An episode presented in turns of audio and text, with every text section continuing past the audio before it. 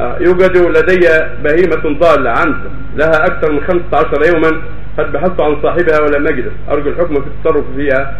عرفها دائما عرفها حتى تتم السنة احفظها وعرفها سنة كاملة في مجامع الناس في الشهر مرتين ثلاث أربع من لها الضالة من لها العنز الضالة من لها العنز الضالة كم سنة إذا كملت سنة ولم تجدها فتجد أحدا فهي لك.